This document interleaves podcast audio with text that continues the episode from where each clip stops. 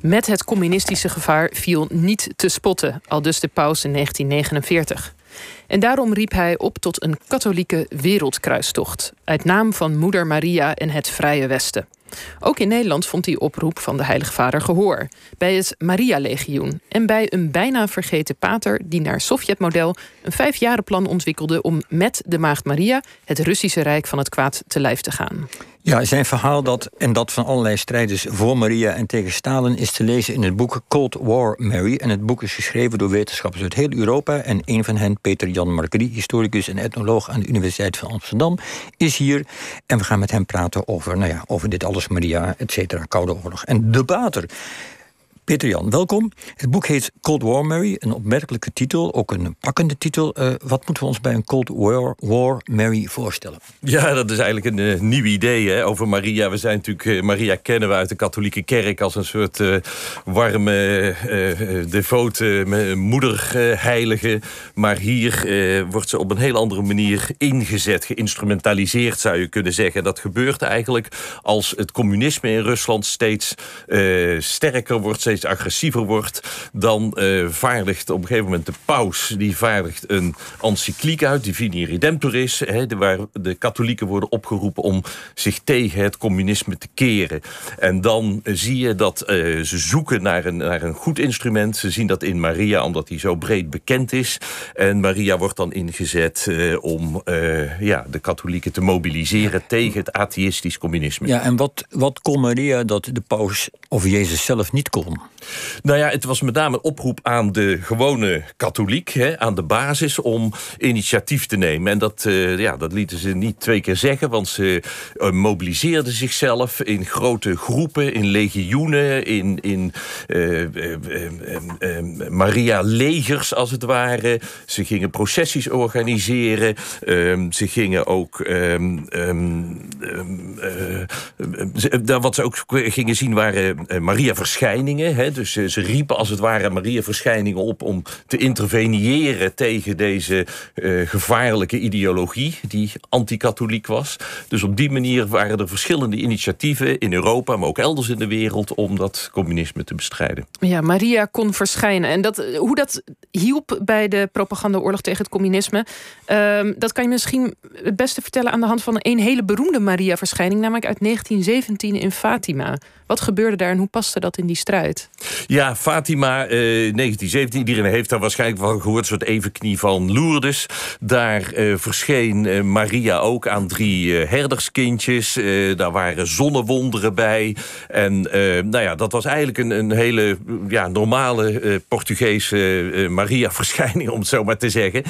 niet heel iets bijzonders. Maar dat gaat eigenlijk veranderen in de jaren dertig. Als een van die zieners zich op een gegeven moment toch weer iets herinnert wat ze eerder is vergeten te vertellen. Hè? Want in 1917 had ze ook uh, boodschappen gegeven, Maria, dat mensen boete moesten doen en veel moesten bidden. Ja, al die bekende themata. Um, maar dan herinnert ze ineens uh, dat eigenlijk Maria ook gezegd zou hebben dat ze tegen het communisme moet zijn. En dat gebeurt eigenlijk allemaal rond die tijd dat die encycliek tegen Rusland uh, wordt uitgevaardigd. Dat Rusland agressiever wordt. En ehm, dan gedurende de Tweede Wereldoorlog, dan ziet de paus daar eigenlijk ook een handig instrument in. En die herdefinieert eigenlijk wat er in Fatima is gebeurd. En die maakt dan Fatima, die, die boodschappen van Fatima, verandert die in een anticommunistische boodschap. En dat, ja, dat is eigenlijk het begin van Cold War Mary. En waar zijn er, volgen er dan allerlei verschijningen waar, waarin Maria ook steeds explicieter anticommunistische taal uitslaat? Uit, Moet ik het zo zien? Ja, dus die, die, die uh, Fatima Maria, die, die wordt dan een soort standaard. Dan gaan ze ook alle boekjes die over Maria zijn verschenen, die worden herschreven in een anticommunistische uh, wijze. Mm -hmm. En dat geeft weer na de Tweede Wereldoorlog, hè, want dan, dan, merk je dat er in allerlei landen in Europa uh, het communisme populair wordt. Hè. In, Frankrijk, België, in Italië is het communisme toch echt een, een nationale bedreiging, wordt dat gezien.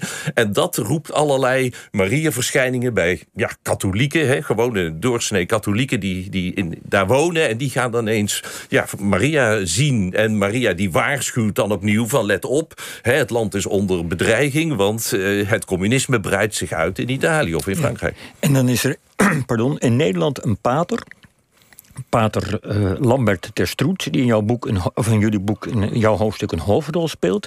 En die pater is aangestoken door de Fatima-koorts, maar it's worse. Hij is ook nog aangestoken door allerlei visioenen die hij heeft gehad over Maria. Vertel eens wat er met die pater gebeurde en wat die visioenen waren.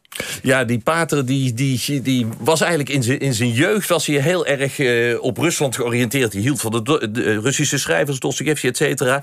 En die wilde eigenlijk graag naar Rusland. Maar op datzelfde moment wordt het communisme uh, sterk in Rusland. Dus hij durft het eigenlijk niet meer. En op een gegeven moment wordt hij, zegt hij, in een visioen aangeraakt door Maria... die de handen op zijn schouders legt van... ik, ik, ik, ik, heb, ik moet iets met jou. Jij, jij wordt ook een soort instrument van mij. En later, um, dan is het zo dat hij um, op een gegeven moment uh, een, nieuw visioen krijgt. En dan uh, spreekt Maria direct tot hem. En die zegt, ja, we hebben natuurlijk Maria en mijn man Jozef... maar ik zoek eigenlijk op aarde een nieuwe Jozef. En jij bent mijn nieuwe Jozef. En Jozef was een timmerman, dus wat moest hij doen? Hij gaf de opdracht om voor Maria een rijk van Maria op aarde te creëren en voor haar een paleis te maken. En dat paleis, dat gaat hij later een andere naam geven en dat wordt het Pentagon. Het Pentagoon, zoals het in het Nederlands genoemd werd. Dat, dat, is ook de naam van het Amerikaanse militaire hoofdkwartier. Dat is Precies. een eigenaardige, eigenaardige keuze, of niet? Of... Geen eigenaardige keuze. was natuurlijk het ministerie van Defensie was natuurlijk een enorm gebouw, een enorm ja, uh, grote, grote organisatie. En eigenlijk had hij in gedachten om iets vergelijkbaars in Nederlands op te richten. Hè, om op die manier uh, Nederland tegen het communisme te beschermen. Maar ook ja, offensief hè, met de militante Madonna, die Maria toen ondertussen geworden was, het communisme in Rusland te bestrijden. Wow, en, en hoeveel weerklank vindt dit? Hoe, hoe, hoe ver Komt hij in zijn strijd? Nou, behoorlijk. Hij, hij is eigenlijk een, een, een onderwijspater. Dus hij kent het katholiek Nederlands onderwijs heel goed. En hij weet zijn hele netwerk aan te spreken... om ja, op alle basisscholen uh, uh, zijn project... Uh, hè, want hij heeft dan ondertussen een, een project opgezet... om ja, intenties te laten uitspreken, om, om, om geld in te zamelen, om die kinderen um, um, met uh, het, het, het Maria-lied, het Russische Magnificat, uh, op te voeden, om ze tekeningen te laten maken, om ze uh, liedjes te laten zingen, allemaal met een anticommunistische strekking. Ik heb dat boek hier bij me, hè, het Rijk van Maria, daar, heeft, daar heeft hij allemaal tekeningen ingeplakt, waar dus inderdaad kinderen schrijven hoe bang ze zijn voor Stalin en dat ze dus extra goed met Maria zullen gaan dus- bidden. Dus dan zou je zeggen, uh, de kerk is hier heel blij mee. Maar het eh, wonderbaarlijke is dat de kerk het eigenlijk al vrij snel verbiedt. Zowel de Nederlandse kerk als het Vaticaan. Hoe kan dat? Waarom verbieden ze het? Ja, nou, in Nederland was er, was er toch een soort scepsis. Hè. We, we, hebben in Nederland hebben we natuurlijk uh, paters, reguliere priesters heet dat, en, en, en bisschops, eh, diocesane priesters die in een bisdom werken, zijn twee verschillende. Daar heeft altijd een beetje competitie tussen gezeten. Die paters kunnen allemaal wat eigenzinniger eigenlijk te werk gaan, omdat ze geen bisschop boven zich hebben. En deze pater heeft dus eigenlijk een heel nieuw project opgezet. En ja, die, die andere priesters die vinden dat eigenlijk maar niks, want hij gaat gelden. Eh, eh, Gewoon jaloezie. Jaloezie zat erin inderdaad. Het speelt, speelt er ook iets mee in de zin van dat de katholieke kerk als zodanig denkt, ja, Nederland heel veel verstandige protestanten mensen en liberale mensen. We moeten toch, als we al te veel met die Maria op de, uh, te extreem worden, dan denken ze dat het gekkies. Ja, ja, na het einde, begin jaren 50, als dat project op gang komt, dan zie je dat het Vaticaan zich er ook mee gaat bemoeien. En die heeft dan een heel ander idee. Die zegt, ja, dat communisme bestrijden is natuurlijk allemaal wel aardig, maar eigenlijk veel belangrijker is dat we de verhouding in het Westen goed houden. en dat is natuurlijk een van de belangrijke conclusies van dit boek.